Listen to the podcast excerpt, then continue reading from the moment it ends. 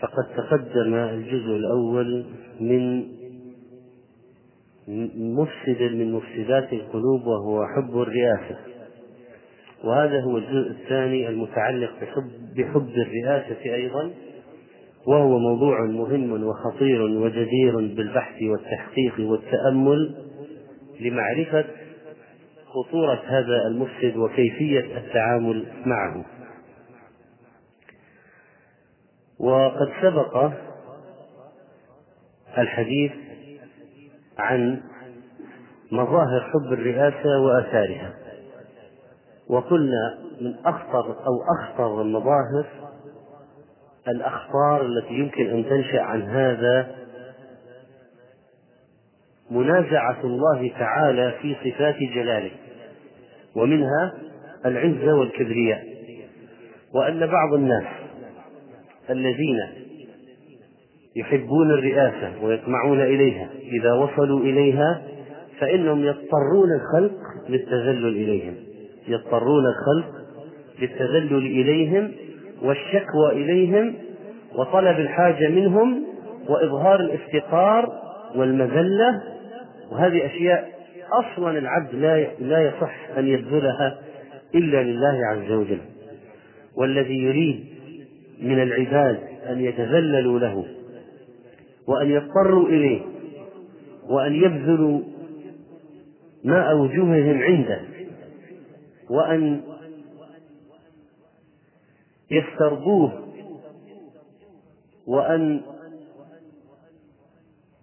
يظهر الرغبة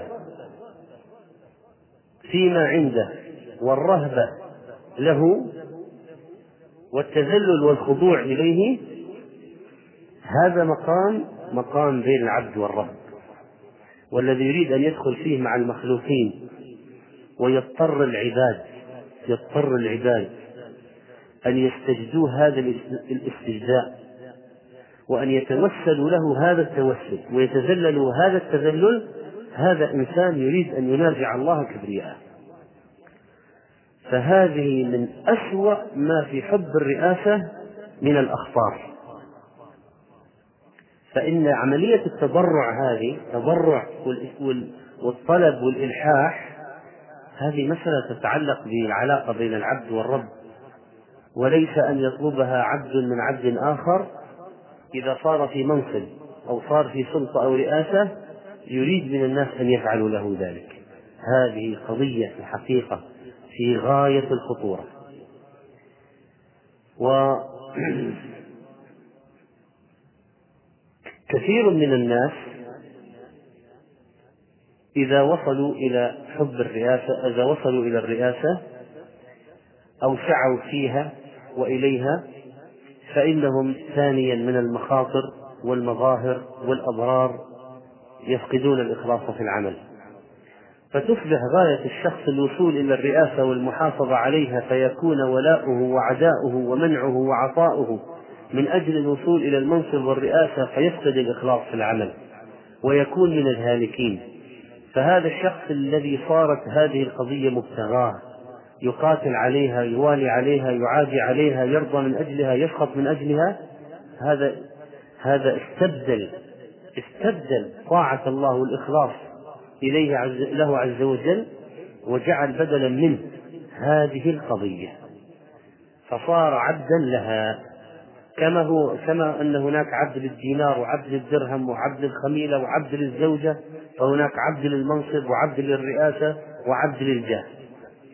ثالثا من الخطورة والمظاهر أنه لا يعمل إذا لم يصدر ولا حتى يشير مشورة مفيدة. بل ربما يدع غيره يفشل حتى يتصدر هو ويتسلل مكانه. وهذا قادح عظيم في الإخلاص وموجب لترك العمل. فكأنه يقول ما دام ما رأستوني ما نصبتموني عليكم ما أمرتموني ما جعلتموني أنا في المقدمة فلن أعمل اعملوا أنت فكأنه يريد أن ينتقم ممن حوله إذا حرموه المنصب وحرموه الرئاسة وحرموه الإمارة وحرموه استلام سدة الأمور بأن يتخلى عن العمل. فهذا إنسان معناه أنه ما يعمل أصلا لله وإنما يعمل لأجل هذا المنصب فإن أعطي رضي وعمل وإن لم يعطى سخط وترك العمل. رابعا ذكر الناس بالعيوب والطعن فيها. قال الفضيل بن عياض رحمه الله ما أحب أحد الرياسة إلا أحب ذكر الناس بالنقائص والعيوب ليتميز هو بالكمال. ويكره أن يذكر الناس أحدا عنده بخير. ومن عشق الرياسة فقد تودع من صلاحه. فإذا هذه آفة عظيمة خطيرة. الذي يطمح للرئاسة ويحبها يريد من الآخرين أن يكونوا تحت وهو فوق. فماذا ينشأ عن ذلك؟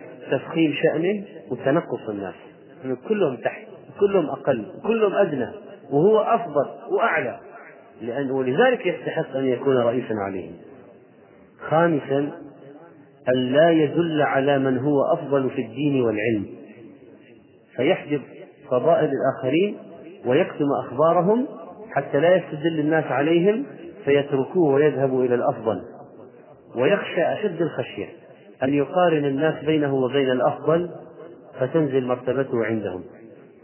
فإذا محب الرئاسة لو كان هناك واحد أفضل منه هو يعرفه لا يدل عليه ولا يرشد إليه. لأنه يخشى أن يوضع بدلا منه. هل يمكن أن يرشح واحد ليأخذ هذا المنصب وهو يطمح إليه وليده وهو يعلم أن هذا الواحد أفضل منه أكثر إمكانات وأكثر كفاءات وأكثر قدرات وأكثر مهارات لا يمكن. سادسا الحسرة إذا زالت عنه الرئاسة أو أخذت منه. فيتجرع مرارتها ويصاب باليأس والكآبة والإحباط. فتراه منكسرا كثيف البال معتزلا للناس لأنه زال أمله المرجى وزال الشيء الذي كان يرفعه في نظره وزال زالت تلك الأبهة فبأي وجه يقابل المخالق سابعا التكبر على الخلق وسوء معاملتهم. فعن المقداد بن الأسود رضي الله عنه قال استعملني رسول الله صلى الله عليه وسلم على عمل فلما رجعت قال كيف وجدت الإمارة؟ قلت يا رسول الله ما ظننت إلا ما ظننت إلا أن الناس كلهم خول لي. خول يعني عبيد عندي. هذا من النتائج التي أحس بها. كيف وجدت الإمارة؟ قال ما ظننت إلا أن الناس كلهم خول لي. والله لا ألي على عمل ما دمت حيا. بعد هذا. رواه الحاكم في المستدرك وقال محقق السير صححه الحاكم ووافقه الذهبي. قال ابن حبان في روضة العقلاء الواجب على من يغشى السلطان وامتحن بصحبته أن لا يعد شتمه شتما ولا إغلاظه إغلاظا ولا التقصير في حقه ذنبا. لماذا؟ يقول الواجب على من يغشى السلطان دائما يدخل يخرج من عنده وجليس له. وامتحن بصحبته ناله أذى يجب عليه أن يتحمل ولا يعد شتمه شتما ولا إغلاظه إغلاظا ولا التقصير في حقه ذنبا ولا يشتكي لماذا؟ قال لأن ريح العزة بسطة لسانه ويده بالغلظة يقول لأن هذا السلطان ريح العزة والانتشاء عنده أن يبسط لسانه ويده بأذى الآخرين. فأنت تريد هذا؟ تحمل. أنت الذي اخترت. تحمل ما يأتيك لماذا تنتقد وتشتكي؟ ويقول ابن القيم رحمه الله في بدائع الفوائد كلاما نفيسا. كثير من الناس يطلب من صاحبه بعد نيله درجة الرئاسة الأخلاق التي كان يعامله بها قبل الرئاسة. واحد كان مدرس صار مديرا. كان مدرس مثله ومثل أصحابه المدرسين.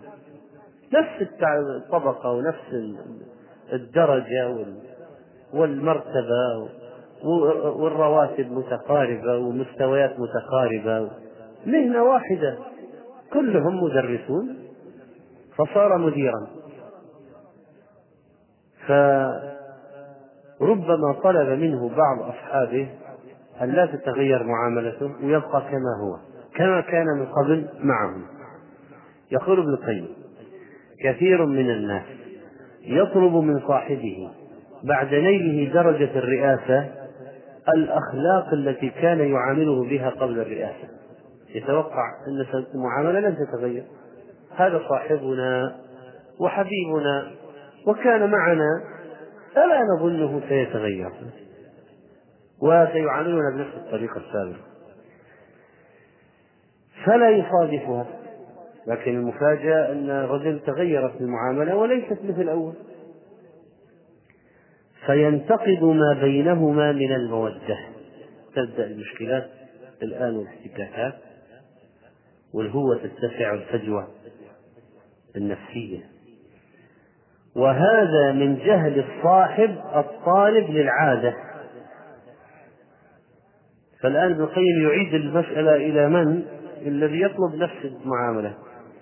وهو بمنزلة من يطلب من صاحبه إذا سكر أخلاق الصاحب. يقول له ابن القيم كيف تطلب منه نفس المعاملة؟ الآن هذا دخل في سكر الرئاسة. كيف سيعاملك بنفس الطريقة الأولى؟ طبعا هذا لا يعني يفعله إلا المتقون يعني الذين يعاملون ما تتغير المعاملة والتواضع يبقى تواضع والأخوة أخوة هذا عند المتقين. لكن عند أكثر الناس إذا تولى الواحد أخذ من بين الأقران أخذ من أقرانه ولي عليهم يقول لابد يتغير. دخل في سكرة المنصب.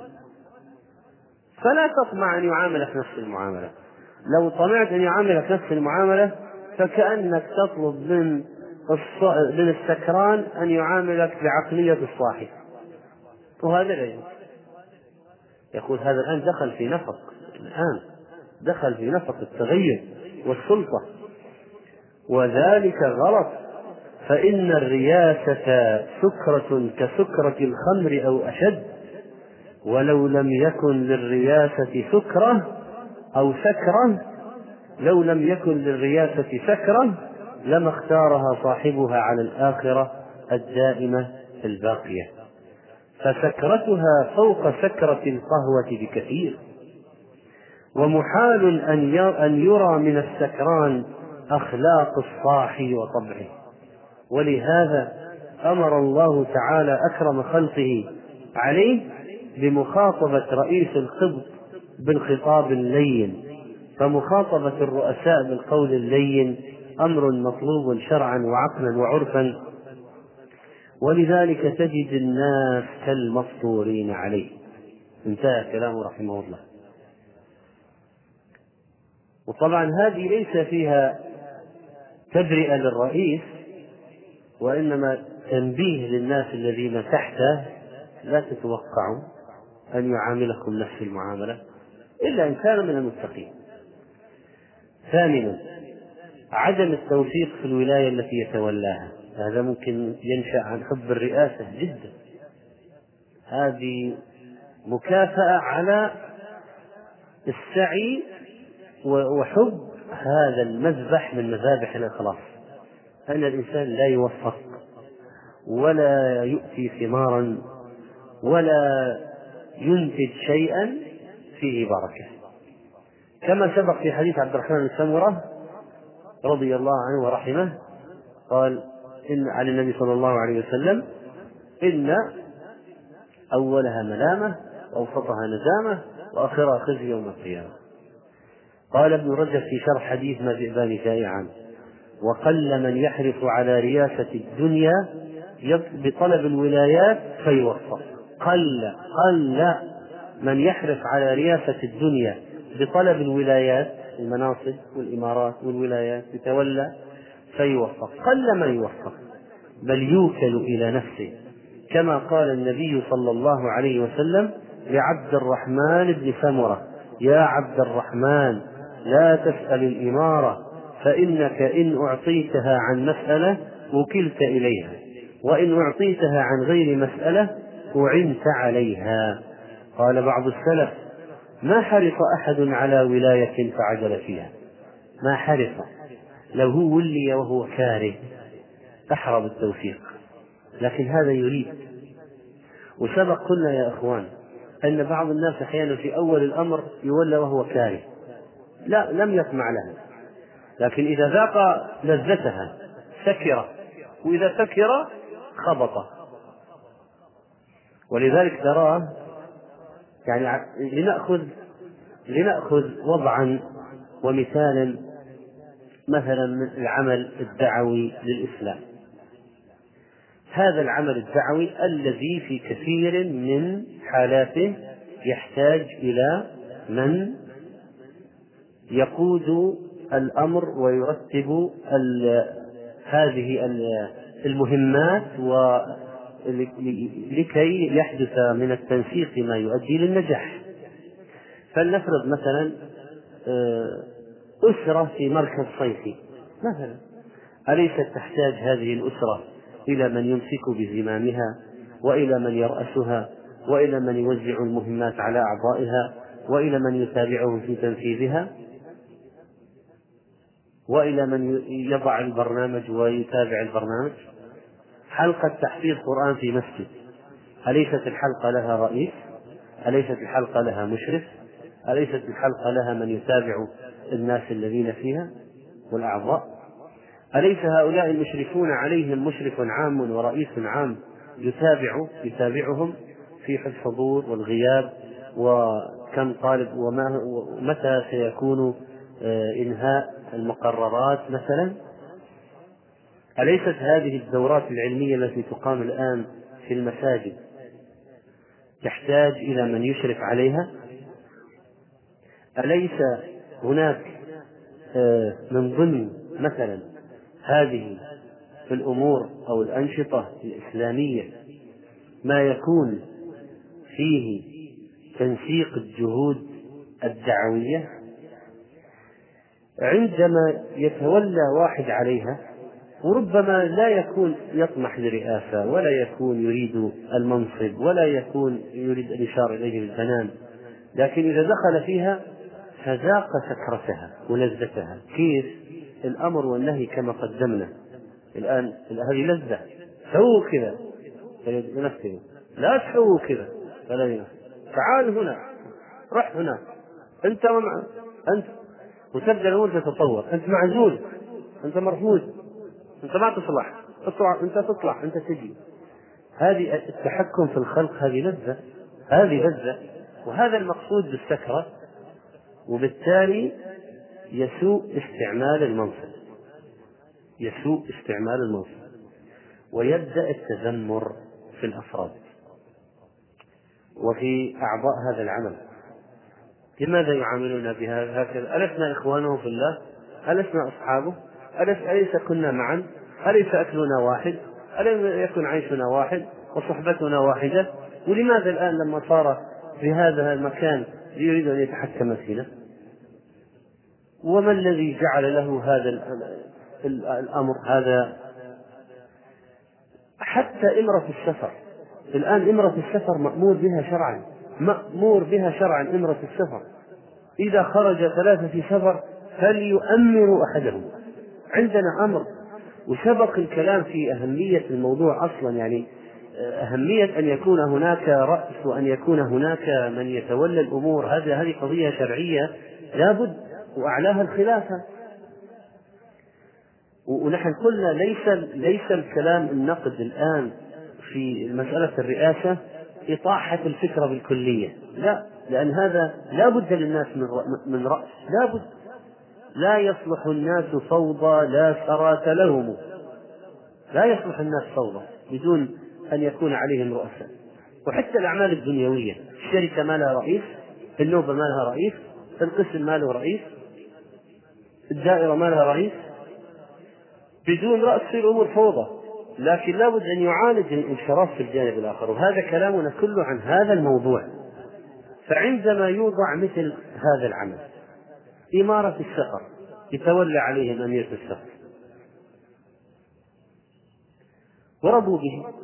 قالوا والله نحن نطبق السنة. نحن خمسة سنخرج. أنت أميرنا يا فلان. أنا لا أريد أن أجبروك أو أنه عنده هوى فسارع إلى قبوله. أو قال يا جماعة ترى السنة وردت بالإمارة. إيش رأيكم؟ اجعلوني أميرا. طبقوا السنة. يعني طبق السنة لكن ليس عليك أنت. بالذات. المهم صار أميرا عليه. أين تبدأ العملية؟ عندما لا يفهم أصلا ما هو فائدة الإمارة في الإسلام في السفر. فيفهم بالعكس أن القضية استغلال النفوذ والسلطة. تعال اذهب أنت سوي أنت لا تسوي. ثم هو يجلس مرتاحا. يقسم المسؤوليات ولا يعمل شيئا. فخري. شيء الآن فخري. هذه من المشكلات.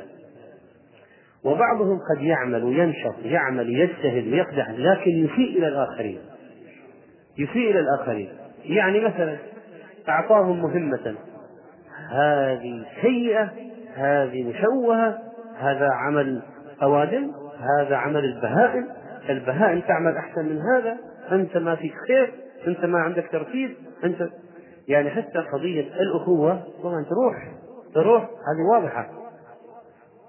تزول الأخوة والعلاقات وتنطمس معالمها ويحدث تحدث العداوة والبغضاء بسبب احتقار عمل الآخرين. طيب أنت الآن لو وليت نفس الشيء اجعله أميرا وأنت خذ مكانه ونرى كيف ستعمل. قد تكون كلفته بمهمة صعبة قد تكون مهمة أكبر من تحتاج إلى شخصين. قد يكون هذا منتهى ما ما يحسن. ما عنده قدرة أكثر أصلا من هذا.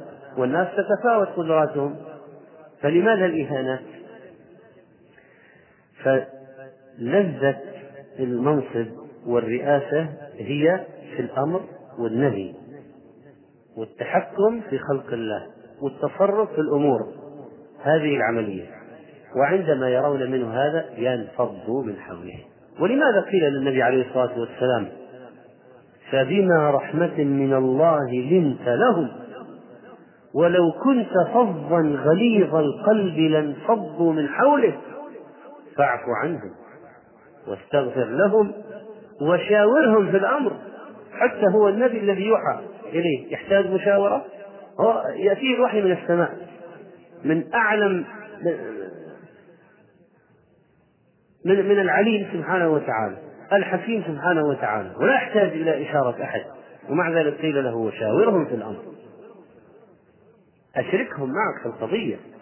حتى لا يحس بالاستبداد فعندما يأتي واحد ويستبد ويرجع الأشياء ويرتاح وينتقد الآخرين ويكاد أن يشتمهم ويسبهم فما هي النتيجة؟ لا شك أنهم سينفضوا من حوله. الواحد قد يكون مسألة تكون خلافية اجتهادية. مثلا هذا يرى الطريق من هنا هذا يرى الطريق من هنا أقصر. قد يكون المسألة متقاربة. خلاص الأمير يأمر انتهينا حتى لا تصبح فوضى وتتشتت المجموعة والسفر. أمرنا بالتأمير. لكن إذا كان يختلف هذا ومع هذا ومع هذا وأخذ رأي المجموعة أجمعوا أو كادوا أن يجمعوا على سوءه فالمؤكد أن الخلل فيه. يعني يمكن يختلف واحد الأمير مع واحد مثلا. ويكون واحد هذا هو الذي أساء الأدب. مثلا ما قدر رأي الأمير ويريد أن يجعل هو الذي يأمر الأمير مثلا. فيقال له أنت تعديت لكن إذا كان الأكثر هكذا ما معنى هذا؟ معناها السوء فيه أكيد مؤكد. سواء أصلي يعني هو في نفسه ما انكشف إلا الآن أو كان حصل الانحراف بعد أن تولى. وذاق لذتها فسكر فصار يخبط خبط المخمورين. فهذا أحرى أن لا يوفق. وقال بعض السلف ما حرص أحد على ولاية فعدل فيها؟ وكان يزيد بن عبد الله من قضاة العدل والصالحين وكان يقول من أحب المال والشرف وخاف الدوائر لم يعدل فيها. تاسعا من الأشياء التي ممكن تترتب على الرئاسة موالاة الكفار والمشركين. وهذا أمر معلوم في التاريخ. فقد كان يفعله ملوك الطوائف في الأندلس. كل واحد يريد تثبيت كرسيه. يضع عليه غراء فلا يقوم إلا والكرسي معه. هؤلاء لكي يثبتوا ملكهم. ولو بالحرام وبالشرك بالكفر بالولاء للكفار يتصلون مع الكفار. كل واحد يريد أن يأكل من ولاية الآخر بالاستعانة بعدو الجميع وهم النصارى. هذه مشكلة ملوك الطوائف. هذه المشكلة حضر لنا التاريخ نوادر ناس تنازلوا عن ملكهم لله أو رئاستهم أو أعطاه الولاية قال يدخل جيشي في جيشك وأنت الأمير ونتعاون ضد النصارى. يعني نادر الذي حصل حصل هذا يعني قضية أن يكون ما في فرق أبو عبيدة وخالد خالد يتنازل لأبي عبيدة مجرد ما جاء الأمر. وأبو عبيدة يطلب من خالد البقاء إلى نهاية المعركة عدم هذا هذا تعامل الصحابة. هذه هذا مستوى عالي. ليس كل الناس يفعلون هذا. غالب الواحد إذا عزل استاء تبرم انقبضت نفسه ما عاد يقاتل. عزلوني من الإمارة؟ بس خالد وليد ما فعل هذا. أبو سليمان ظل يقاتل. وأبو عبيدة في ذات الوقت لا يريد أن يكشف القضية ويقول فرق الآن جاءت الفرصة وصرت أميرا. لأعلنها من الآن وأتبوأ حلاوة هذا المنصب. بل كتم أراد أن يختم الأمر إلى النهاية. هذه أخلاق الصحابة. هؤلاء تربية محمد صلى الله عليه وسلم. ولذلك في كثير من الأحيان نجد نماذج. كارهين للإمارة لا يريدونها يهربون منها لا يكلف إلا بالأمر من الخليفة ويحرج عليه بالإثم إذا ما قبل ويضغط عليه ليقبل.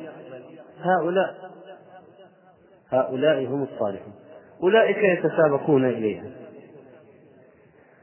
فهؤلاء الذين كانوا يوالون الكفار من أجل المحافظة على رئاستهم وتجد الآن بعض الناس يوالي الكفار لأجل أن ينال منصبا عندهم في منظمة من منظماتهم الآن أو يحصل على شهادة من إحدى جامعاتهم أو جائزة من جوائزهم مستعد أن يواليهم ويعطيهم ما يريدون. وربما كلفوه بأبحاث هي اطلاع على عورات المسلمين. ويرضى لأجل شيء من الدنيا الشهادة منصب. حق الإقامة عندهم مستعد يخون الأمة كلها والدين والمسلمين لأجل أن يبقى. عاشرا مما يترتب عليها من السيئات عدم قبول الحق والرجوع إليه مما يوقع في البدعة والضلال. قال أبو العتاهية أخي من عشق الرياسة خفت أن يطغى ويحدث بدعة وضلالا. أخي من عشق الرياسة خفت أن يطغى ويحدث بدعة وضلالا قال ابن القيم في هداية الحيارة وهو يتحدث عن أهل الكتاب الرئاسة والمأكلة من جملة الأسباب المانعة لهم في الدخول في الدين يعني في الإسلام. وقد ناظرنا نحن وغيرنا جماعة منهم من النصارى. فلما تبين لبعضهم فساد ما هم عليه قالوا لو دخلنا في الإسلام لكنا من أقل المسلمين لا يؤبه لنا. ونحن متحكمون في أهل ملتنا في أموالهم ومناصبهم ولنا بينهم أعظم الجاه هذا كلام النصراني واحد من كبارهم لما نظروا ابن القيم اقتنع وسكت افحم فقال ابن القيم ما منعك ما, ما يمنعك أن تسلم؟ فسكت ثم قال إن هؤلاء الحمير نركبهم فيعطون أموالهم ويحكمون في رقابهم ويتذللون لنا ويرفعوننا. فإذا دخلت في الإسلام كيف أدرك هذا؟ يفوت عليه. يفوت عليه. فحاول ابن القيم رحمه الله أن يقنعه. قال ما يأتيك من رضوان الله ولذة العبادة في الإسلام تطغى على اللذة هذه. هذا إذا إذا كنت يعني إذا أصلا لم تعظم عندما يكون أمرك في الإسلام كبيرا. افرض أنك فعلا بقيت أدنى شيء في المسلمين. وفاتك كل هذا ما سيأتيك من نعيم. ما سيأتيك من النعيم. النفسي ولذة الدخول في الإسلام أكثر من اللذة هذه. ستطغى عليها ستنسيك إياها. فماذا قال؟ قال دعنا من هذه وسكت. قال دعنا من هذه وسكت. ونص القصة ذكره في هداية الحيارة من في أجوبة اليهود والنصارى. قال ولقد ناظرت بعض علماء النصارى فلما تبين له الحق بهت. فقلت له أنا وهو خاليين ما يمنعك من اتباع الحق؟ فقال لي إذا قدمت على هؤلاء الحمير يعني يقصد النصارى أصحابه قال ابن القيم هكذا لفظه. شوف كيف القساوسة يتصورون من تحتهم قال إذا قدمت على هؤلاء الحمير فرشوا الآن لنا البسط تحت حوافر دابتي وحكموني في أموالهم ونسائهم ولم يعصوني فيما آمرهم به. وأنا لا أعرف صنعة ولا أحفظ قرآنا ولا نحوا ولا فقها. فلو أسلمت لدرت في الأسواق أتكفف الناس. فمن الذي يطيب نفسا بهذا؟ فقلت هذا لا يكون. وكيف تظن بالله أنك إذا آثرت رضاه على هواك يخزيك ويذلك ويحوجك؟ الله عز وجل لا يفعل هذا. ولو فرضنا أن ذلك أصابك. فرضا نتنزل معك في النقاش. فما ظفرت به من الحق والنجاة من النار ومن سخط الله وغضبه فيه أتم العوض عما فاتك. فقال دعنا الآن من هذا وأمسك ما في جواب.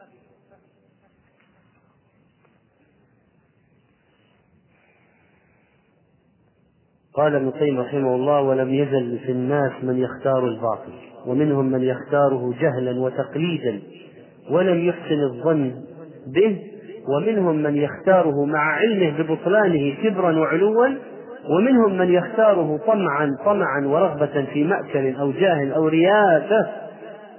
هذا الشاهد يختار الباطل ومنهم من يختاره حسدا وبغيا ومنهم من يختاره يختار الباطل. محبة في صورة وعشقا ومنهم من يختاره خشية ومنهم من يختاره راحة ودعة. فلم تنحصر أسباب اختيار الكفر في حب الرئاسة والمأكلة. قال ابن القيم في عدة الصابرين أيضا. أو عدة الصابرين. كل خطيئة في العالم أصلها حب الدنيا. ولا تنس خطيئة الأبوين قديما. آدم حواء فإنما كان سببها حب الخلود في الدنيا. ولا تنس ذنب إبليس وسببه حب الرئاسة التي محبتها شر من محبة الدنيا. وبسببها كفر فرعون وهامان وجنودهما وأبو جهل وقومه واليهود فحب الدنيا والرئاسة هو الذي عمر النار بأهلها والزهد في الدنيا والرئاسة هو الذي عمر الجنة بأهلها. والسكر بحب الدنيا أعظم من السكر بشرب الخمر بكثير وصاحب هذا السكر لا يفيق منه إلا في ظلمة اللحد ولو انكشف عنه غطاؤه في الدنيا لعلم ما كان فيه من السكر وأنه أشد من سكر الخمر. والدنيا تسحر العقول أعظم سحر. قال مالك بن دينار اتقوا السحارة اتقوا السحارة فإنها تسحر قلوب العلماء. وقال يحيى بن معاذ الرازي الدنيا خمر الشيطان من سكر منها فلا يفيق إلا في عسكر الموتى نادما بين الخاسرين. الحادي عشر من آفات حب الرئاسة التقرب إلى السلاطين والدخول عليهم وترك إنكار المنكر. قال ابن رجب في شرح حديث ما ذئبان جائعان ومن أعظم ما يخشى على من دخل على الملوك والظلمة أن يصدقهم بكذبهم ويعينهم على ظلمهم ولو بالسكوت عن الإنكار عليهم. فإن من يريد بدخوله عليهم الشرف والرياسة وهو حريص عليهما لا يقدم على الإنكار عليهم السلاطين. بل ربما حسن لهم بعض أفعالهم القبيحة تقربا إليهم ليحسن موقفه عندهم ويساعدوه على غرضه من تولي شيء أو منصب. وقد خرج الإمام أحمد والترمذي والنسائي وابن حبان في صحيحه من حديث كعب بن عجرة رضي الله عنه عن النبي صلى الله عليه وسلم قال سيكون بعدي أمراء فمن دخل عليهم فصدقهم بكذبهم وأعانهم على ظلمهم فليس مني ولست منه وليس بوارد علي الحول ومن لم يدخل عليهم ولم يعنهم على ظلمهم ولم يصدقهم بكذبهم فهو مني وأنا منه وهو وارد علي الحول وصححه الألباني رحمه الله. وخرج الإمام أحمد معنى هذا الحديث من حديث حذيفة وابن عمر وخباب بن الأرت وأبي سعيد الخدري والنعمان بن بشير رضي الله عنهم وكان كثير من السلف ينهون عن الدخول على الملوك. لمن أراد أمرهم بالمعروف والنهي عن المنكر أيضا. لكن هذه مسألة فيها صار خلاف بين السلف. هل يدخل عليهم الأمر والنهي أم لا؟ وممن نهى عن ذلك عمر بن عبد العزيز وابن المبارك والثوري وغيرهم من الأئمة. فإن قال قائل هذه طاعة عليه لماذا لا يدخل؟ ليه؟ الذين لم يروا الدخول لماذا؟ قالوا خشية الفتنة يدخل بخير يطلع بشر. وقال ابن المبارك ليس الأمر الناهي عندنا. من دخل عليهم فأمرهم ونهاهم إنما الأمر الناهي من اعتزلهم وسبب هذا ما يخشى من من فتنة الدخول عليهم. فإن النفس قد تخيل للإنسان إذا كان بعيدا يعني عنهم ما دخل عليهم أنه يأمرهم وينهاهم ويغلظ عليهم. فإذا شاهدهم قريبا تغير مالت النفس إليهم لأن محبة الشرف كاملة في النفس. ولذلك يداهنهم ويلاطفهم وربما مال إليهم وأحبهم ولا سيما إن لاطفوه وأكرموه. هذه النهاية الفتنة العظيمة. وقبل ذلك منهم وقد جرى ذلك لعبد الله بن طاووس مع بعض الأمراء بحضرة أبيه طاووس فوبخه طاووس على فعل ذلك. وكتب سفيان الثوري إلى عباد بن عباد وكان في كتابه إياك والأمراء أن تدنو منهم أو تخالطهم في شيء من الأشياء وإياك أن تخدع ويقال لك لتشفع وتجرأ عن مظلوم. أو ترد مظلمة فإن ذلك خديعة إبليس. وإنما اتخذها تجار القراء سلما. وما كفيت عن المسألة والفتيا فاغتنم ذلك ولا تنافسهم. وإياك أن تكون ممن يحب أن يعمل بقوله أو ينشر قوله أو يسمع قوله فإذا ترك ذلك منه عرف فيه. فإذا ما وصل لما يريد كره عرف فيه. وإياك وحب الرئاسة فإن الرجل يكون يحب الرئاسة أحب إليه من الذهب والفضة وهو باب غامض لا يبصره إلا البصير من العلماء السماسرة. طبعا السماسرة هذه لفظة تجارية هي لأهل الخبرة في التجارة المتمرسين. فأراد أن يقول عن العلماء السماسرة الذين يعرفون دقائق الأمور. فتفقد بقلب واعمل بنية واعلم أنه قد دنا من الناس أمر يشتهي الرجل أن يموت والسلام. يقول اقتربنا من الفتن واقترب الوقت اللي الواحد يتمنى فيه الموت. هذا سفيان الثوري يقول لعباد بن عباد قبل أكثر من ألف سنة. فماذا نقول نحن اليوم؟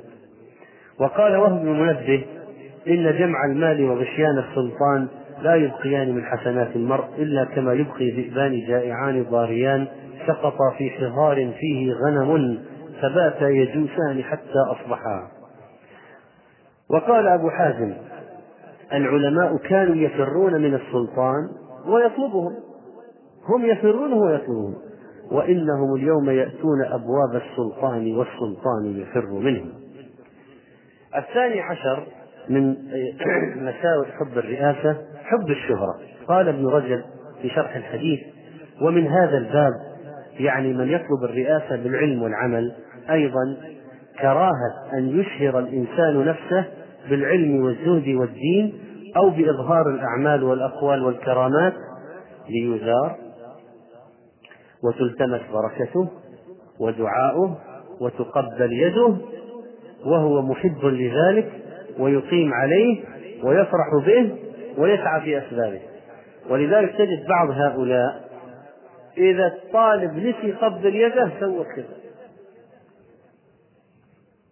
كانوا يقفون بالدور. إذا إذا الطالب نسي نسي يقدم يده. يتذكر لازم تقبل ومن هنا كان السلف يكرهون الشهرة غاية الكراهة. منهم أيوب والنخعي وسفيان وأحمد. وغيرهم من العلماء الربانيين وكذلك الفضيل وداود الطائي وغيرهم من الزهاد العارفين وكانوا يذمون أنفسهم غاية الذم ويسترون أعمالا غاية الستر. الشافعي يعني قال عبارة إني وجدت أن الناس استفادوا هذا العلم يعني الذي عنده ولم ينسبوا إلي منه حرفا. يا ليت العلم الذي عندي يأخذه الناس بدون ما يرتبط باسمه لا لا أريد أن يقال قال الشافعي لأن هو الأجر الآن يا إخوان الأجر كيف يحصل؟ أليس بأن يستفيد الناس منك؟ طيب لو ما عرفوا اسمك يؤثر في الأجر؟ معرفة الاسم تؤثر في الشهرة فإذا حذفنا الاسم المهم الكلام أن يستفاد منه ليحصل الأجر فإذا نسب إليك ما نسب إليك ما هي قضية في الاستفادة ويحتاج الناس أحيانا إلى توثيق يقال هذا كلام فلان لأجل توثيق الكلام عندهم. لكن هذا يتم من الآخرين وليس منك أنت. فليس أنت الذي تقول أنا أقول هذا. والناس يقولون قال فلان قال العالم فلان انتهى. وثالث الثالث عشر قسوة القلب. هذا واضح. وأصلا مفسد هذا لأجل هذا الموضوع. يعني الموضوع مفسدات القلوب. الرابع عشر محبة مدح الناس وثناؤهم. محبة مدح الناس وثنائهم. قال الحافظ رحمه الله بن رجب ومن هذا الباب أيضا أن يحب ذو الشرف والولاية أن يحمد على أفعاله ويثنى عليه بها ويطلب من الناس ذلك يطلب يقول أعطونا خطاب شكر طيب أعطونا خطاب شكر وإذا كانت قضية شخصية شخصية لو كانت عامة كان سجل الزوار هذا يعني في مندوحة يستخدم في أشياء يعني أحيانا في تزكية المشروع لكن إذا كان شيء شخصي طلع لك سجل الزوار قال اكتب لي يا شيء اكتب اكتب لنا اللي شفت عندي من. وليه لماذا؟ هذه قضية الحرص على المدح والحرص على الحرص على أن يطلب من الناس أن يثنوا عليه. ويتسبب في أذى من لا يجيبه إلى ذلك.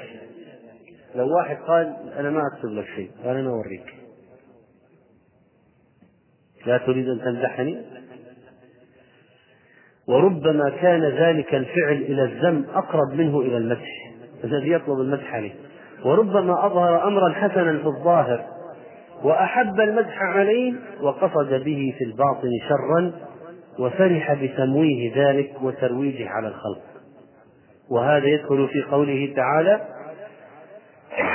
ولا في قوله تعالى لا تحسبن الذين يفرحون بما أتوا ويحبون أن يحمدوا بما لم يفعلوا فلا تحسبنهم بمفازة من العذاب. فإن هذه الآية إنما أنزلت في من هذه صفاته. وهذا الوصف أعني طلب المدح من الخلق ومحبته محبة المدح. والعقوبة على تركه لا يصلح إلا لله وحده لا شريك له. شوفوا يا أخوان مر معنا في هذا الموضوع نقاط احتكاك بقضية العبودية العبودية والعلاقة الربوبية والألوهية وارتباط العبودية بهما. هذا موضوع حب الرئاسة بالذات. في نقاط احتكاك.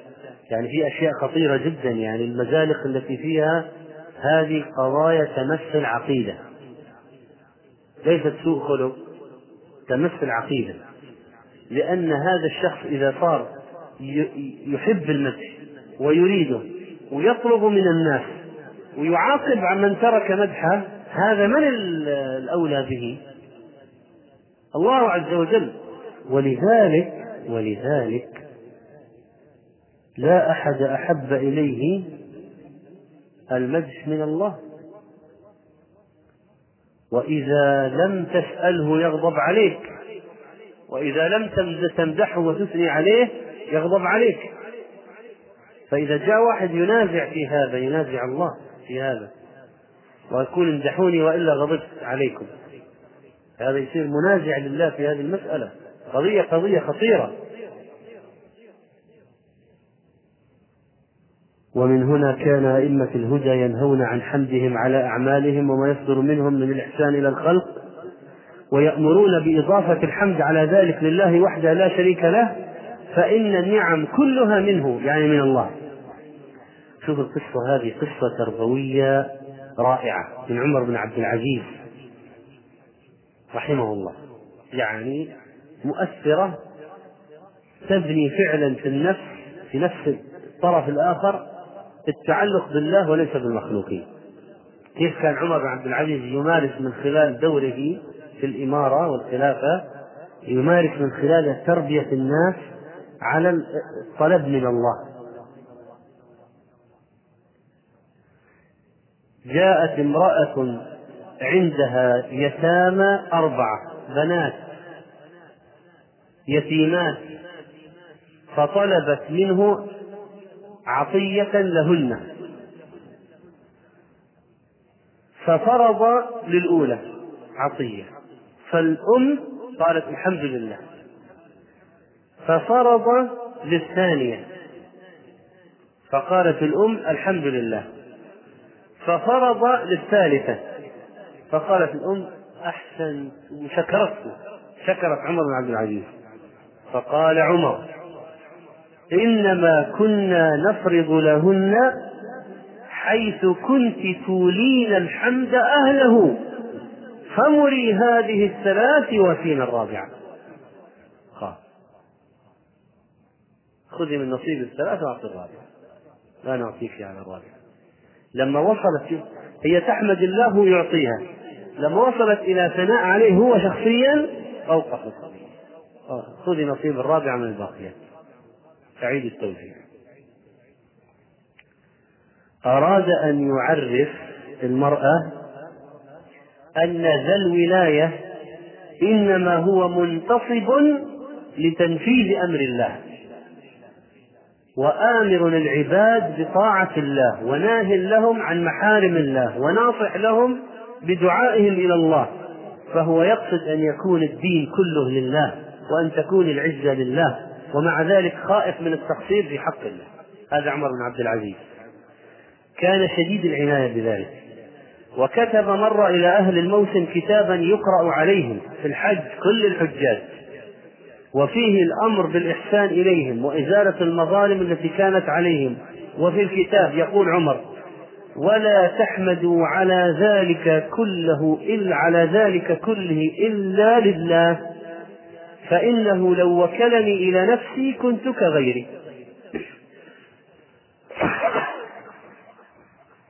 إذا المفترض الآن صاحب الرئاسة والمنصب لما يعطي ويسمح ويمنح لابد إذا الناس شكروه يا أخي اشكر الله. أنا إيش أنا أنا قاسم. إنما أنا قاسم والله يعطي. أنا قاسم. والله يعطي. هذه قالها النبي عليه الصلاة والسلام. إن أنا إنما أنا قاسم.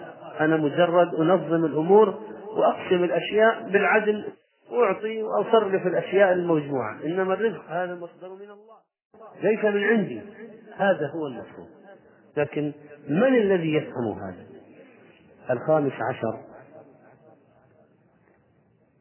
القول على الله بغير علم والكذب. قال ابن القيم في الفوائد فائدة جليلة. كل من آثر الدنيا من أهل العلم واستحبها فلا بد أن يقول على الله غير الحق في فتواه وحكمه.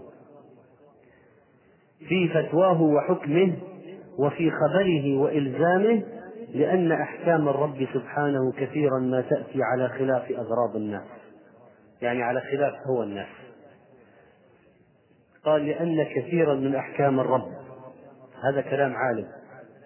كثيرا من أحكام الرب تأتي على خلاف أغراض الناس. تخالف هوى الناس. ولا سيما أهل الرئاسة والذين يتبعون الشهوات. فإنهم لا تتم لهم أغراضهم إلا بمخالفة الحق. ودفعه كثيرا. فإذا كان العالم والحاكم محبين للرياسة متبعين للشهوات لم يتم لهما ذلك إلا بدفع ما يضاده من الحق ولا سيما إذا قامت له شبهة. هذا إذا صار في له متعلق في الموضوع وشيء يستند عليه بزعم شبهة فتتفق الشبهة والشهوة. يصير واحد له غرض شخصي ثم يجد متعلقا متكئا ولو كان ضعيفا شبهة فتتعاضد الشهوة مع الشبهة يصير الهلاك. ويثور الهوى فيخفى الصواب وينطمس وجه الحق. وإن كان الحق ظاهرا يعني في الأصل لا خفاء به ولا شبهة فيه أقدم على مخالفته. وقال لي مخرج بالتوبة. وفي هؤلاء وأشباههم. قال تعالى فخلف من بعدهم خلف أضاعوا الصلاة واتبعوا الشهوات فسوف يلقون غيا وقال تعالى فخلف من بعدهم خلف ورثوا الكتاب يأخذون عرض هذا الأدنى من الدنيا ويقولون سيغفر لنا. يعني نأخذ الآن والله غفور رحيم. وإن يأتيهم عرض مثله يأخذوه. ألم يؤخذ عليهم ميثاق الكتاب ألا يقولوا على الله إلا الحق ودرسوا ما فيه؟ والدار الآخرة والدار الآخرة خير للذين يتقون أفلا تعقلون؟ فأخبر سبحانه أنهم أخذوا العرض الأدنى مع علمهم بتحريمه عليهم وقالوا سيغفر لنا وإن عرض لهم عرض آخر أخذوه فهم مصرون على ذلك وذلك هو الحامل لهم على أن يقولوا على الله غير الحق ويقولون هذا حكمه وشرعه ودينه وهم يعلمون أن دينه وشرعه وحكمه خلاف ذلك.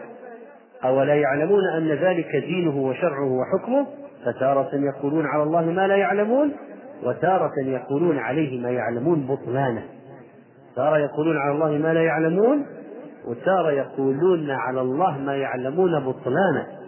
وأما الذين يتقون فيعلمون أن الدار الآخرة خير من الدنيا فلا يحملهم حب الرئاسة والشهوة على أن يؤثروا الدنيا على الآخرة وطريق ذلك أن يتمسكوا بالكتاب والسنة ويستعينوا بالصبر والصلاة ويتفكروا في الدنيا وزوالها وخستها والآخرة وإقبالها ودوامها وهؤلاء لا بد أن يبتدعوا في الدين مع الفجور في العمل فيجتمع لهم الأمران بدعة في الدين وفجور في العمل. فإن اتباع الهوى يعمي عين القلب فلا يميز بين السنة والبدعة أو ينكسه. فيرى فيرى البدعة سنة والسنة بدعة. فهذه آفة العلماء. إذا آثروا الدنيا واتبعوا الرياسة والشهوات وهذه الآيات فيهم. واتل عليهم النبأ الذي آتيناه آياتنا فانسلخ منها فاتبع فأتبعه الشيطان فكان من الغاوين. إلى آخر الآيات. في سورة الأعراف فهذا مثل عالم السوء الذي يعمل بخلاف علمه. ولذلك قال شيخ الإسلام في الفتاوى وتعمد الكذب له أسباب ومنها حب الرئاسة حب الرئاسة. والسادس عشر من الآفات تعلق القلب بغير الله والانشغال عن ذكره. قال ابن القيم رحمه الله في عدة الصابرين وأقل ما في حبها أن يلهى عن حب الله وذكره ومن ألهاه ماله عن ذكر الله فهو من الخاسرين. وإذا لهى القلب عن ذكر الله فكنه الشيطان وصرفه حيث أراد ومن, ومن فقهه في الشر الشيطان. أنه يرضيه ببعض أعمال الخير ليريه أنه يفعل فيها الخير وقد تعبد لها قلبه.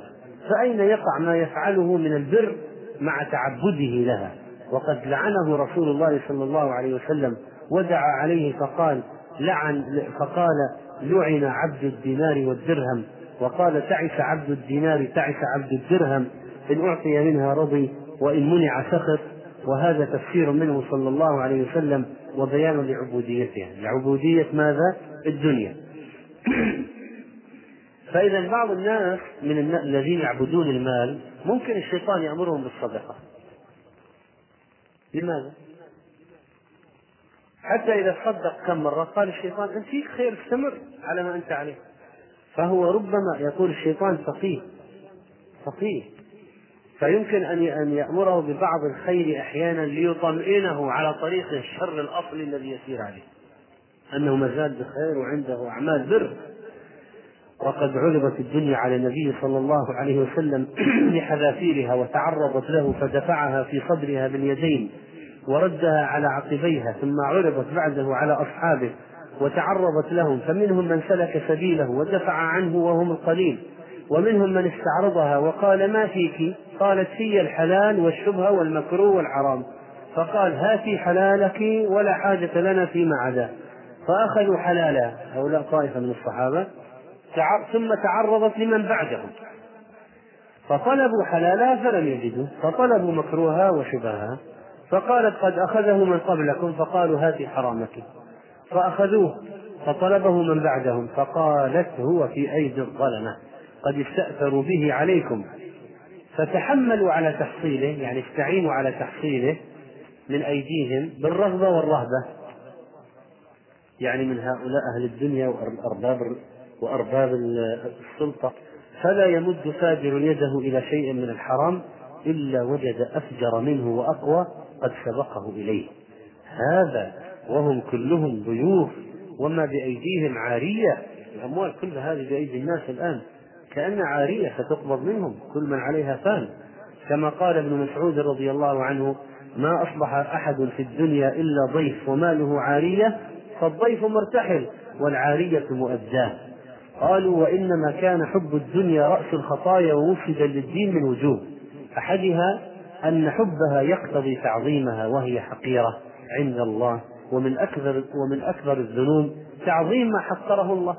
ثانيها أن الله لعنها ومقتها وأبغضها إلا ما كان له فيها. لأن الدنيا ملعونة ملعون ما فيها إلا ذكر الله وما ولا ومن أحب ما لعنه الله ومقته وأبغضه فقد تعرض الفتنة ومقته وغضبه. ثالثها أنه إذا أحبها صيرها غايته وتوسل إليها بالأعمال التي جعلها الله وسائل إليه وإلى الدار الآخرة فعكس الأمر. بدلا من أن تصبح الدنيا وسيلة للآخرة صارت هي الغاية. وقلب الحكمة فانعكس قلبه وانعكس سيره إلى وراء. فها هنا أمران. أحدهما جعل الوسيلة غاية والثاني التوسل بأعمال الآخرة إلى الدنيا. وهذا شر معكوس من كل وجه وقلب منكوس غاية الانتكاس. مثل واحد لا يصلي يخطب امرأة يريد أن يحصل على المرأة والمرأة من من متاع الدنيا. فكيف يصل إليها بالآخرة؟ يروح يصلي في البيت اللي جنب بيت المخطوبة. ويزورهم. وإذا جاء وقت الصلاة قال عن إذنك بالصلاة جاء وقتها. وجاء المسجد. حتى اطمأنوا إليه تزوجوا ثم رجع إلى أصله.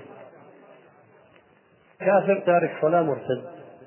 هذا إنسان طلب الدنيا بالآخرة. هذا أسوأ من الذي يطلب الدنيا بالمال. يعني لو واحد راح وأغراهم بالمال وأعطاهم وأعطوه البنت هذا أهون.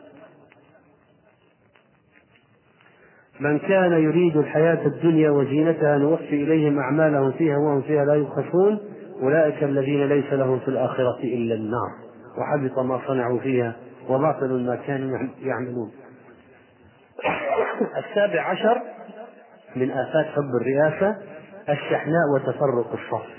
لأن كل واحد من الحريصين على الرياسة يتهم الآخر بأنه عاجز وقاصر وأنه يريد إطفاءه فيتبادلون الاتهامات ويحصل التنازع والتفرق فيحصل الفشل وقد قال الله تعالى ولا تنازعوا فتفشلوا وتذهب ريحكم بعدما استعرضنا الآن هذه العوامل من المظاهر والآفات الناتجة عن حب الرئاسة والتطلع إليها والسعي إليها والحرص عليها والاستمرار فيها نريد أن نعرف العلاج.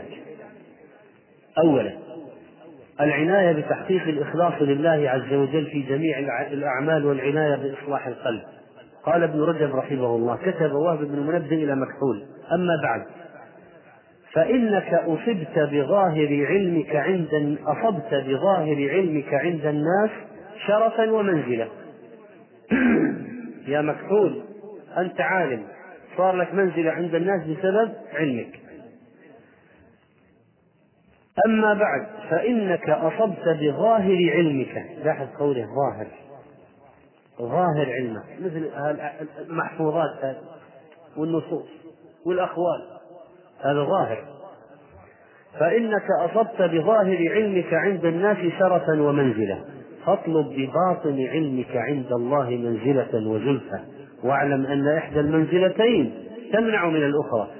ومعنى هذا أن العلم الظاهر من تعلم الشرائع والأحكام والفتاوى والقصص والوعظ ونحو ذلك مما يظهر للناس الناس ينبهروا به يقول هذا حافظ ما شاء الله عليه حافظ يحصل به لصاحبه عندهم منزلة وشرف. والعلم الباطن الموجع في القلوب من معرفة الله وخشيته ومحبته ومراقبته والأنس به والشوق إلى لقائه والتوكل عليه والرضا بقضائه والإعراض عن عرض الدنيا الفاني والإقبال على جوهر الآخرة الباقي كل هذا يوجب لصاحبه عند الله زلفى منزلة وزلفى. وإحدى المنزلتين تمنع من الأخرى. فمن وقف مع منزلته عند الخلق واشتغل بما حصل له عندهم وصار الآن يريد أن يكثر يوسع يوسع المجالات عند الناس. أنا احتليت رقعة عند الناس سأوسعها وأعمل على زيادة شهرتي. وامتداداتي بينهم. قال فمن كان وقف مع منزلته عند الخلق واشتغل بما حصل له عندهم بالعلم الظاهر من شرف الدنيا وكان همه حفظ هذه المنزلة عند الخلق وملازمتها وتربيتها والخوف من زوالها كان ذلك حظه من الله تعالى وانقطع به عنه فهو كما قال بعضهم ويل لمن كان حظه من الله الدنيا. ويل لمن كان حظه من الله كل حظه من الله الدنيا. يعني في الآخرة ما له حظ من الله. ثانيا من العلاج أن يمنع منها إذا طلبها أو يمتنع منها إذا طلبها. يمنع يعني العلاج هذا ليس من نفس الشخص الذي يفتن بحب الرئاسة. هذا العلاج من الآخرين. يعني إذا طلب أن لا يعطوه حتى لا يعينوه على معصية وعلى الافتتان ولذلك تقدم معنا حديث أبي موسى دخلت أنا ورجلان من بني عمي فقال أحد الرجلين يا رسول الله أمرنا على بعض ما ولاك الله عز وجل. وقال الآخر مثل ذلك فقال إنا والله لا نولي على هذا العمل أحدا سأله ولا أحدا حرص عليه. وقال النبي صلى الله عليه وسلم اتقوا الله فإن أخونكم عندنا من طلب العمل. يطلب رئاسة إمارة مصلحة الزكاة والحديث حسنه الألباني رحمه الله. ثالثا في العلاج الاستشارة. وتنفع الاستشارة في موضعين. هنا الأول عند عرض الولاية على العبد أو تكليفه بها. فيستشير أهل النصح والصدق. هل هو أهل لها أم لا؟ وقد جاء في صحيح مسلم من حديث أبي ذر أنه قال قلت يا رسول الله ألا تستعملني؟ فضرب بيده على منكبي على منكبي ثم قال يا أبا ذر إنك ضعيف وإنها أمانة وإنها يوم القيامة خزي وندامة إلا من أخذها بحقها وأدى الذي عليه فيها. وفي رواية قال لي رسول الله صلى الله عليه وسلم يا أبا ذر إني أراك ضعيفا وإني أحب لك ما أحب لنفسي. لا تأمرن على اثنين ولا تولين مال يتيم ليس لأن أبا ذر في خيانة معاذ الله. لا. لكن أبو ذر كان عنده أشياء من الشدة يأخذ بها نفسه ويريد أن يطبقها على الآخرين. فيرى مثلا أن الادخار لا يجوز. إذا عندك زيادة لابد توزعها. ما في شيء اسمه تدخر. زاد عن حاجتك وزع. لو راح تولى على مال يتيم يمكن يعطي الأيتام حاجتهم وتصدق بالباقي. هذه من أموال. فإذا ليس ليس نصيحته لأبي ذر في عدم التأمر والتولي من خيانة فيه كلا والله بل بسبب شدة كان يأخذ نفسه بها. وربما إذا تولى وتأمر عك عممها على الناس فلا يطيقون. يعني هو ممكن يشد على نفسه لكن الناس لا يطيقون. فالنبي صلى الله عليه وسلم نصح أبا ذر وبين له أنه لا يصلح للولاية. وهذه مسألة مهمة يا أخي لابد أن نتناصح. لو واحد يعرض عليه منصب أو شيء في أي مكان من الأمكنة يستنصح إخوانه يقول أنا أصلح لهذا ولا لا؟ أنا أصلح أكون مدير أصلح أكون مسؤول أصلح أكون آه، مشرف أصلح أكون أمير في في السفر في غير يعني لابد أن أن يسأل. قال ابن تيمية في السياسة الشرعية نهى أبا ذر عن الإمارة والولاية يعني النبي عليه الصلاة والسلام نهاه لأنه رآه ضعيفا. مع أنه قد روي ما أضل في الخضراء ولا أقل في الغبراء. أصدق لهجة من أبي ذر. حديث صحيح. وقال خلف بن عمر سمعت الإمام مالك يقول ما أجبت في الفتوى حتى سألت من هو أعلم مني. ما تجرأت أن أفتي حتى سألت ناس أعلم مني. ما هو السؤال الذي سأله مالك لشيوخه قبل أن يفتي؟ هل تراني موضعا لذلك؟ تراني مؤهل للفتوى؟ سألت ربيعة وربيعة شيخ مالك سألت يحيى بن سعيد فأمراني بذلك. فقلت يقول خلف بن عمر لمالك فلو نهوك لو قالوا لك ما تصنع. قال كنت أنتهي. لا ينبغي للرجل أن يبذل نفسه حتى يسأل من هو أعلم منه. الثاني الاستشارة بعد تولي الولاية. لا بد أن يكون له مستشارون ويكون له من الناس من يأخذ آراءهم ولا يتفرد ولا يستبد. قال الله تعالى وشاورهم في الأمر. رابعا من العلاجات تذكر الآثار السيئة التي تترتب على الرئاسة. قال ابن حبان في روضة العقلاء رؤساء القوم أعظمهم هموما وأدومهم غموما وأشغلهم قلوبا وأشهرهم عيوبا وأكثرهم عدوا وأشدهم أحزانا وأنكاهم أشجانا وأكثرهم في القيامة حسابا وأشدهم إن لم يعفو الله عنهم عذابا. وقال الحافظ رحمه الله بالرجل وأما العلو الفاني المنقطع الذي يعقب صاحبه غدا حسرة وندامة وذلة وهوانا وصغارا فهو الذي يشرع الزهد فيه والإعراض عنه وللزهد فيه أسباب عديدة فمنها نظر العبد إلى سوء عاقبة الشرف في الدنيا والولاية والإمارة لمن لا يؤدي حقها لا, لا سوء العاقبة وين؟ في الآخرة. ومنها نظر العبد إلى عقوبة الظالمين والمتكبرين ومن ينازع الله رداء الكبرياء. وفي السنن عن النبي عليه الصلاة والسلام يعني هذا أنت يا أيها المدير المتكبر المشرف المتكبر يحشر المتكبرون يوم القيامة أمثال الذر النمل نمل الصغار. في صور الرجال. المقاس مقاس نملة والصورة صورة رجل. يغشاهم الذل من كل مكان. يساقون إلى سجن في جهنم. يقال له بولس تعلوهم نار الأنيار. يسقون من عصارة أهل النار طينة الصبال رواه الترمذي وهو حديث حسن. جاء في رواية يطأهم الناس بأقدامهم جاء في رواية أخرى يطأهم الجن والإنس والدواب بأرجلهم. حتى يقضي الله بين عباده. يعني خمسين ألف سنة تحت تحت الأقدام. هؤلاء المتكبرون المتغطرسون. واستأذن رجل عمر رضي الله عنه في القصص على الناس. يعني أن يحدث يعظ ويقص القصص. قال عمر إني أخاف أن تقص عليهم فتترفع عليهم في نفسك حتى يضعك الله تحت أرجلهم يوم القيامة.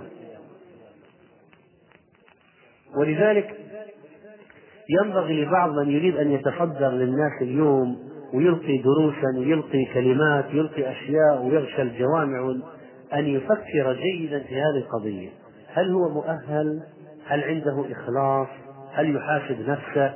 ولا الآن يريد فقط أن يقبل رأسه ويلتمس بركته ويا سيدنا الشيخ ويكرموه ويأتوا به ويذهبوا به. إذا كان هذا القصد فعليه الدمار الهلاك وقال ابن تيمية في الفتاوى وكذلك طالب الرئاسة والعلو في الأرض قلبه رقيق لمن يعينه عليها ولو كان في الظاهر مقدمهم والمطاع فيهم هو محتاج إليهم لمن حوله لأنهم يثبتون رئاسته ويعينوه فهو في الحقيقة الحقيقة وإن كان هو الذي يتأمر عليهم ويأمر في الحقيقة يرجوهم ويخافهم فيبذل لهم الأموال والولايات ويعفو عنهم ليطيعوه ويعينوه فهو في الظاهر رئيس مطاع وفي الحقيقة عبد مطيع لهم بحاشيته. والتحقيق أن كلاهما فيه عبودية للآخر. ابن تيمية يقول أن عبودية من الطرفين. كل واحد يتذلل كل واحد يعطي يبذل نوع عبودية للآخر. وكلاهما تارك لحقيقة عبادة الله. وإذا كان تعاونهما على العلو في الأرض بغير حق مثل فرعون وجنوده كان بمنزلة المتعاونين على الفاحشة أو قطع الطريق. فكل واحد من الشخصين لهواه الذي استعبده واسترقه يستعبده الآخر. خامسا من العلاجات. المداومة على محاسبة النفس والتوبة والاستغفار. قال ابن حبان في روضة العقلاء الواجب على من ملك أمور المسلمين الرجوع إلى الله عز وجل في كل لحظة وطرفة لئلا يطغيه ما هو فيه من تسلطه بل يذكر عظمة الله وقدرته وسلطانه وأنه هو المنتقم ممن ظلم والمجازي لمن أحسن فيلزم في إمرته السلوك الذي يؤديه إلى اكتساب الخير في الدارين. وليعتذر بمن كان قبله من أشكاله فإنه لا محالة مسؤول عن شكر ما هو فيه. ألم أذرك ترأس وتربع؟ هذه من الأسئلة يوم القيامة التي تقال ألم أذرك ترأس وأذرك ترأس وتربع؟ وأذرك ترأس وتربع؟ فإنه لا محالة مسؤول عن شكر ما هو فيه كما هو لا محالة مسؤول عن حسابه. إذ المصطفى صلى الله عليه وسلم قال يقول الله تبارك وتعالى يوم القيامة يعني لابن آدم ألم أحملك على الخيل ورزقتك النساء؟ وجعلتك ترأس وتربع. تربع كانوا في الماضي رؤساء القبائل لهم ربع الغنم. أي غارة فيها مغانم يعطونهم ربع المغانم. هذه تبع شيخ القبيلة رئيس القبيلة. وجعلتك ترأس وتربع فيقول بلى فيقول فأين شكر ذلك؟ سادسا الاشتغال بالعلم وعدم الانقطاع عنه. علق البخاري في صحيحه عن عمر أنه قال تفقهوا قبل أن تسودوا قبل ما تصيروا سادة بين الناس. قبل ما تصير لكم مناصب اشتغلوا بالفقه تعلموا الآن. قال أبو عبد الله البخاري وبعد أن تسودوا. يعني لو واحد صار سيد وصار رئيس يستمر في التعلم والفقه. وقد تعلم أصحاب النبي صلى الله عليه وسلم في كبر سنهم في طبقات الحنابلة لابن أبي يعلى. قال حسن بن منصور الجصاص لأحمد بن حنبل إلى متى يكتب الرجل؟ يعني إلى متى الواحد يكتب الحديث؟ متى يروح على الشيوخ ويكتب عن فلان وعنه قال حتى يموت. فكر يقول حتى الأربعين حتى كذا. قال حتى يموت. سابعا الزهد في الدنيا والتعلق بالآخرة والمنافسة فيها يعني في الآخرة. قال ابن رجب واعلم أن النفس تحب الرفعة والعلو على أبناء جنسها ومن هنا نشأ الكبر والحسد. ولكن العاقل ينافس في العلو الدائم الباقي الذي فيه رضوان الله وقربه وجواره ويرغب عن العلو الفاني الزائل الذي يعقبه غضب الله وسخطه وانحطاط العبد وسفوله وبعد عن الله وطرده عنه. فهذا هو العلو الثاني الذي يذم وهو العتو والتكبر في الأرض بغير الحق. وأما العلو الأول والحرص عليه فهو محمود. قال الله تعالى وفي ذلك فليتنافس المتنافسون. قال الحسن إذا رأيت الرجل ينافسك في الدنيا فنافسه في الآخرة. قال وهيب بن الورد إن استطعت أن لا يسبقك وهيب أن لا يسبقك إلى الله أحد فافعل. قال محمد بن يوسف العابد الأصبهاني لو أن رجلا سمع برجل أو عرف رجلا أطوع لله منه كان ينبغي له أن يحزنه ذلك. يعني ليش أنا ما وصلت إلى ما وصل إليه من العلم والفقه والعبادة؟ فيحزن ما هو من الآخر يحزن على نفسه هو. وليس يحزن من حسد الآخر وقال غيره لو أن رجلا سمع برجل أو عرف رجلا أطوع لله منه فانصدع قلبه لهذه ليش؟ ليش أنا أقل من فلان؟ فانصدع قلبه يعني مات. لم يكن ذلك بعجب. وقال رجل لمالك بن دينار رأيت في المنام مناديا ينادي أيها الناس الرحيل الرحيل فما رأيت أحدا ارتحل إلا محمد بن واسع. طبعا محمد واسع عالم فاضل عابد. فمالك بن دينار أيضا زاهد عابد. لما سمع الرؤيا أن أيها الناس الرحيل الرحيل فما ارتحل إلا محمد بن واسع صاح مالك وغشي عليه. يعني أن فقط هذا يعني يمكن أنا أهلك هذا نجا. ففي درجات الآخرة يشرع التنافس وطلب العلو في منازلها والحرص على ذلك بأسبابه. ولا يقنع الإنسان منها بالدون مع قدرته على العلو. وقال عمر بن عبد العزيز إن لي نفسا تواقة ما, لا ما نالت شيئا إلا تاقت إلى ما هو أفضل منه. فلما نالت الخلافة وليس فوقها في الدنيا منزلة تاقت إلى الآخرة. طلع فوق أعلى شيء في الدنيا. بعد ذلك ماذا يريد؟ ما في تجريب خلافة أعلى شيء. قال ها ثم الآخرة. وقال شيخ الإسلام في الفتاوى وأما الدنيا فأمرها حقير وكبيرها صغير وغاية أمرها يعود إلى الرئاسة والمال. كل متع الدنيا تلخصها الرئاسة والمال. وغاية ذي الرئاسة أن يكون كفرعون. يعني إذا علا وعلا حيوصل لمرتبة فرعون الذي أغرقه الله في اليم انتقاما منه وغاية ذي المال أن يكون كقارون الذي خسف الله به الأرض ويتجلجل فيها إلى يوم القيامة. فماذا تريد في طريق آخرته فرعون قارون؟ ثامنا التفكر فيما يعوض الله عز وجل به العبد في الدنيا من اللذة والنعيم إذا أعرض عن الرئاسة. قال ابن رجب وليس هو في قدرة العبد ولكن من فضل الله ورحمته ما يعوض الله عباده العارفين به الزاهدين فيما يفنى من المال والشرف مما يعجله الله له في الدنيا من شرف التقوى وهيبة الخلق له في الظاهر ومن حلاوة المعرفة يعني لله والإيمان والطاعة في الباطن وهي الحياة الطيبة التي وعدها الله لمن عمل صالحا من ذكر أو أنثى وهو مؤمن. وهذه الحياة الطيبة لم يذقها الملوك في الدنيا ولا أهل الرئاسات والحرص على الشرف كما قال إبراهيم لو يعلم الملوك وأبناء الملوك ما نحن فيه. يعني من اللذة والنعيم في المساجد والأذكار وحلق العلم لجالدونا عليه بالسيوف. ومن رزقه الله ذلك اشتغل به عن طلب الشرف الزائل. والرياسة الفانية قال الله تعالى ولباس التقوى ذلك خير. وقال من كان يريد العزة فلله العزة جميعا. كان حجاج بن أرطأ يقول قتلني حب الشرف.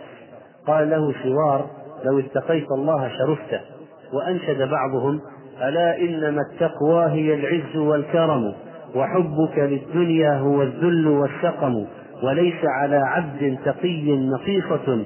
إذا حقق التقوى وإن حاك ألا إنما التقوى هي العز والكرم وحبك للدنيا هو الذل والسقم وليس على عبد تقي نقيص على عبد تقي نقيصة إذا حقق التقوى التقوى وإن حاك أو حجم. حاك يعني اشتغل خياط. وحجم حجام. فلا يضر ولو كان منزلته وضيعة عند الناس. وقال صالح الباجي الطاعة إمرة والمطيع لله أمير مؤمر على الأمراء. ألا ترى هيبته في صدورهم؟ إن قالوا قبلوا وإن أمر إن قال قبلوا وإن أمر أطاعوا. وقال بعض السلف ما أسعد بالطاعة من مطيع إلا وكل الخير ألا وكل الخير في الطاعة. وكذلك دخل محمد بن سليمان أمير البصرة. أمير البصرة على حماد بن سلمة حماد عالم زاهد عابد وقعد بين يديه يسأله. فقال له يا أبا سلمة الأمير يسأل العالم ما لي كلما نظرت إليك ارتعدت فرقا منك.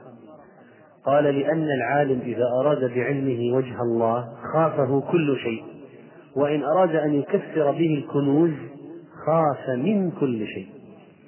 وعلى هذا قول بعضهم على هذا على قدر هيبتك لله يخافك الخلق وعلى قدر محبتك لله يحبك الخلق وعلى قدر اشتغالك بالله تشتغل الخلق بأشغالك. وكان عمر بن الخطاب رضي الله عنه يمشي يوما ووراءه قوم من كبار المهاجرين. فالتفت فرآهم فخروا على ركبهم هيبة له. فبكى عمر رضي الله عنه وقال اللهم إنك تعلم أني أخوف لك منهم فاغفر لي. أنا ما قصدت أن أرعبهم. هذه هيبة هيبتي أنت جعلتها في قلوبهم. وكان العمري الزاهد خرج إلى الكوفة إلى الرشيد ليعظه وينهاه. فوقع الرعب في عسكر الرشيد لما سمعوا بنزوله. هذا لما سمعوا بنزول الزاهد. حتى لو نزل بهم عدو مئة ألف نفس ما زادوا على ذلك من الهيبة والخشية. وكان الحسن لا يستطيع أحد أن يسأله هيبة له. يعني مع أنه ما هو صاحب رئاسة وليس أميرا لكن جعل الله له هيبة. هو لما ترك هذه الأشياء الله عوضه بهيبة النفوس. وكان خواص أصحابه يجتمعون ويطلب بعضهم من بعض أن يسألوه عن المسألة. يعني هيبة. الله جعل له هيبة. فحتى السؤال بالنسبة للطلاب صعب. كل واحد يحيل على الثاني. فإذا حضروا مجلسه لم يجسروا على سؤاله حتى ربما مكثوا على ذلك سنة كاملة هيبة له. هو ليس متعمدا ولا متصنعا. ما هي تمثيليات؟ هو شيء جعله الله في قلبه. جعله الله في قلوب الناس هيبة لهذا. وكذلك كان مالك بن أنس يهاب أن يسأل. يهاب أن يسأل. حتى قال فيه القائل يدع الجواب ولا يراجع هيبة. والسائلون نواكس الأذقان نور الوقار وعز سلطان التقى فهو المهيب وليس ذا السلطان. وكان وكان العقيل يقول من أراد بعلمه وجه الله أقبل الله عليه بوجهه وأقبل بقلوب العباد عليه. ومن عمل لغير الله صرف الله وجهه عنه وصرف قلوب العباد عنه. ومن اشتغل بتربية منزلته عند الله بالعلم الباطن الذي هو خشية الله ومحبته ورجاؤه وخوفه والحياء منه والإقبال عليه وصل إلى الله فاشتغل به عن سواه. وكان له في ذلك شغل عن طلب المنزلة عند الخلق. ومع هذا فإن الله يعطيه المنزلة في قلوب الخلق والشرف عندهم وإن كان لا يريد ذلك ولا يقع معه بل يهرب منه أشد الهرب ويفر أشد الفرار. قال الله تعالى إن الذين آمنوا وعملوا الصالحات سيجعل لهم الرحمن ودا يعني محبة عند الناس. ودا يعني محبة عنده وعند الناس. وفي الحديث إن الله إذا أحب جبريل عبدا نادى يا جبريل إني أحب فلانا فأحبه فيحبه جبريل. ثم ينادي في أهل السماء إن الله يحب فلانا ثم يحب أهل السماء. ثم يوضع له القبول في الأرض والحديث معروف مخرج في الصحيح. وعموما فطلب شرف الآخرة يحصل معه شرف في الدنيا وإن لم يرده صاحبه ولم يطلبه. وطلب شرف الدنيا لا يجامع شرف الآخرة ولا يجتمع معه. والسعيد من آثر الباقي على الفاني كما في حديث أبي موسى رضي الله عنه أنه قال من أحب دنياه أضر بآخرته ومن أحب آخرته أضر بدنياه. فآثر ما يبقى على ما يفنى. خرجه الإمام أحمد وحسنه الألباني. قال أبو الفتح البشكي أمران مفترقان لست تراهما يتشوقان لخلطة وتلاقي. طلب المعاد مع الرياسة والعلا فدع الذي يفنى لما هو باقي. قال أبو الحسين أحمد بن فارس اللغوي سمعت الأستاذ ابن العميد يقول ما كنت أظن أن في الدنيا حلاوة ألذ من الرئاسة والوزارة التي أنا فيها. هذا ابن العميد تولى الوزارة كان وزيرا. كان يظن أن قمة اللذة أن الواحد يصير وزير. حتى شاهدت مذاكرة أبي القاسم الطبراني وأبي بكر الجعابي بحضرتي. تناظر عالمان عنده محدثان الطبراني والجعابي فكان الطبراني يغلب بكثرة حفظه وكان الجعابي يغلب بفطنته وذكائه. فيعني صار معاد متعادل. فقال الجعابي يوما يوما يقول للطبراني عندي حديث ليس في الدنيا إلا عندي. قال هات. قال حدثنا أبو خليفة الجمحي حدثنا سليمان بن أيوب عن فلان عن فلان. قال رسول الله صلى الله عليه وسلم. فقال الطبراني أنا سليمان بن أيوب وعني أخذ أبو خليفة الجمحي فاسمع مني حتى يعلو إسنادك فخجل الجعابي فقال ابن العميد فوددت أن الوزارة لم تكن وكنت أنا الطبراني وفرحت كفرحه تاسعا أن يكون هم الإنسان خدمة الدين ونفع الخلق في أي موقع يكون فيه. وهذا حديث طوبى لعبد آخذ بعلان فرسه في سبيل الله. أشعث رأسه مغبرة قدمه. إن كان في الحراسة كان في الحراسة إذا وضعه الأمير في الحراسة استجاب وحرس. وإن كان في الساقة في مؤخرة الجيش كان في الساقة إن استأذن لم يؤذن له لأن ما له منزلة. وإن شفع لم يشفع. هذا يدل على أنه لا يقصد السمو والاستعلاء في الأرض. وعاشر الاستشعار قدر المسؤولية في الولاية وأن تكليف لا تشريف ولذلك النبي عليه الصلاة والسلام قال لا يسترعي الله تبارك وتعالى عبدا رعية قلت أو كثرت إلا سأله الله تبارك وتعالى يوم القيامة عنها يوم القيامة. أقام فيهم أمر الله تبارك وتعالى أم أضاعه حتى يسأله عن أهل بيته خاصة.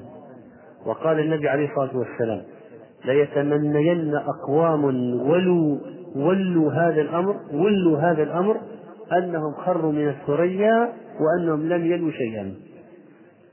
رواه أحمد وحسنه الألباني. وقال عليه الصلاة والسلام لا بد من العريف ولا بد من رئيس للناس لا بد من عريف والعريف في النار. حديث حسن. وهو الذي يلي أمر القبيلة والجماعة. العباد الثاني عشر أن يعرف قدر نفسه رحم الله امرئا عرف قدر نفسه فيعرف هل يستطيع القيام بهذا العمل وتلك المسؤولية أم لا. فإذا عرف من نفسه أنه لا يقدر عليها فلا يقدم. وقد تقدم ذكر حديث أبي ذر رضي الله عنه يا أبا ذر إني أراك ضعيفا وإني أحب لك ما أحب لنفسي لا تأمرن على اثنين ولا تولين مال يتيم. الثالث عشر في حب في علاج حب الرئاسة التواضع للناس والبعد عن مظاهر الرئاسة الدنيوية. ولو كان صدور المجالس فإنها وصفت في الأحاديث بأنها الذبح. صدور المجالس ذبح للإخلاص مذابح. إذا أراد المذابح فعليه بأن يتصدر المجالس. الرابع عشر النظر في عيوب النفس وجوانب القصور فيها. فإنه إذا نظر إلى جوانب القصور في نفسه فإنه لن يتقدم للرئاسة ولن يحرص عليها. والخامس عشر أن يكثر من حمد الله عز وجل والثناء عليه ويأمر من تحته بذلك. قال ابن رجب رحمه الله كان خلفاء الرسل وأتباعهم من أمراء العدل وأتباعهم وقضاتهم لا يدعون إلى تعظيم نفوسهم البتة بل إلى تعظيم الله وحده وإفراده بالعبودية والإلهية ومنهم من كان لا يريد الولاية إلا للاستعانة بها على الدعوة إلى الله وحده. وكان بعض الصالحين يتولى القضاء ويقول أتولاه لأستعين به على الأمر بالمعروف والنهي عن المنكر. ولهذا كانت الرسل وأتباعهم يصبرون على الأذى في الدعوة إلى الله ويتحملون في تنفيذ أوامر الله غاية المشقة وهم صابرون بل راضون بذلك. فإن الذي يحب الله فإنه يرضى بما يصيبه من الأذى في رضا محبوبه وهو الله عز وجل.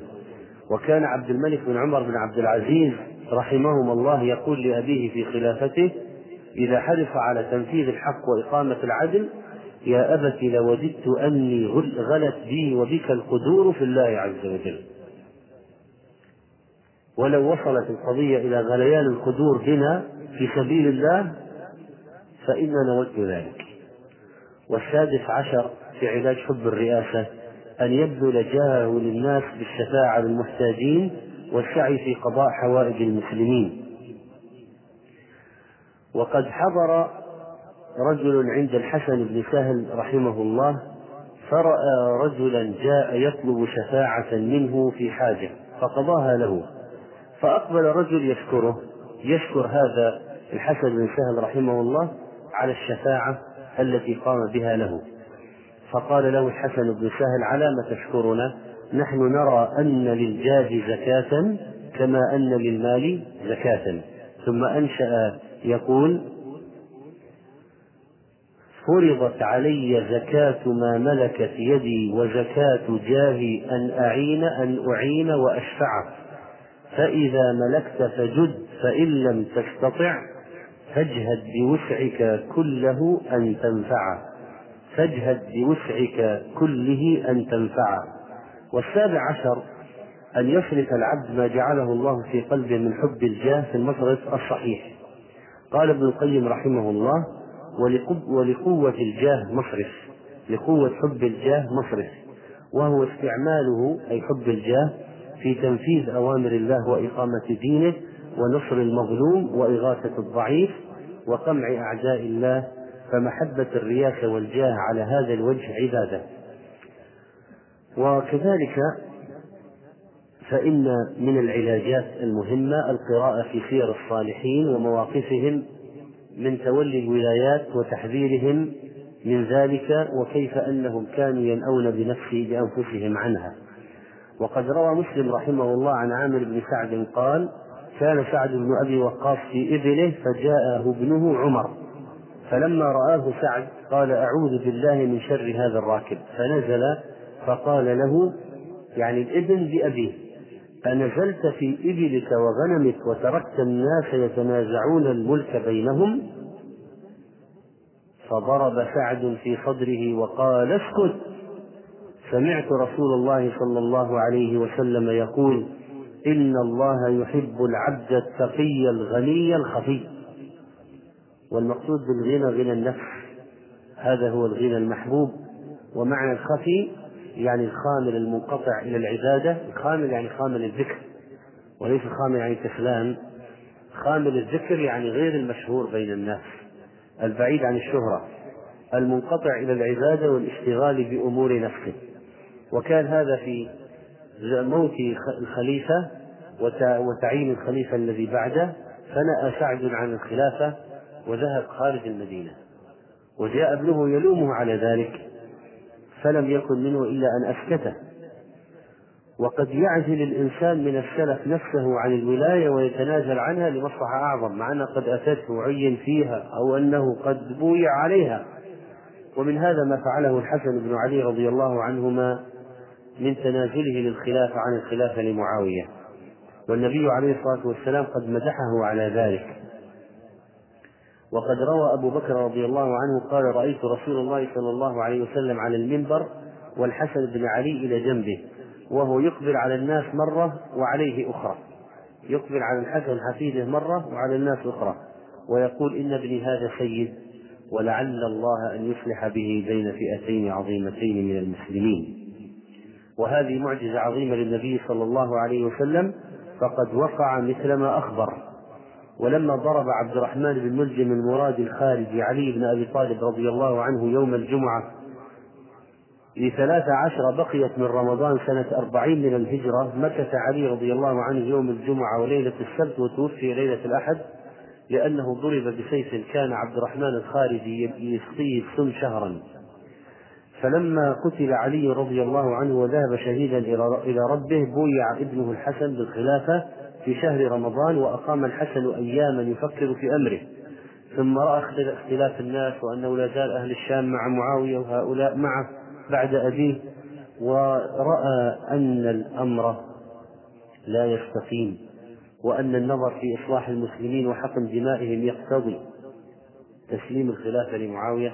فسلم الخلافة لمعاوية رضي الله تعالى عنه واستمرت خلافته ستة أشهر وإيا إلا أياما وسمي هذا العام عام الجماعة وصدق الصادق المصدوق صلى الله عليه وسلم لما قال لعل الله أن يصلح به بين فئتين عظيمتين من المسلمين وليس من السهل طبعا أن يتنازل الإنسان عن خلافة وهي أعلى منصب في المجتمع الإسلامي.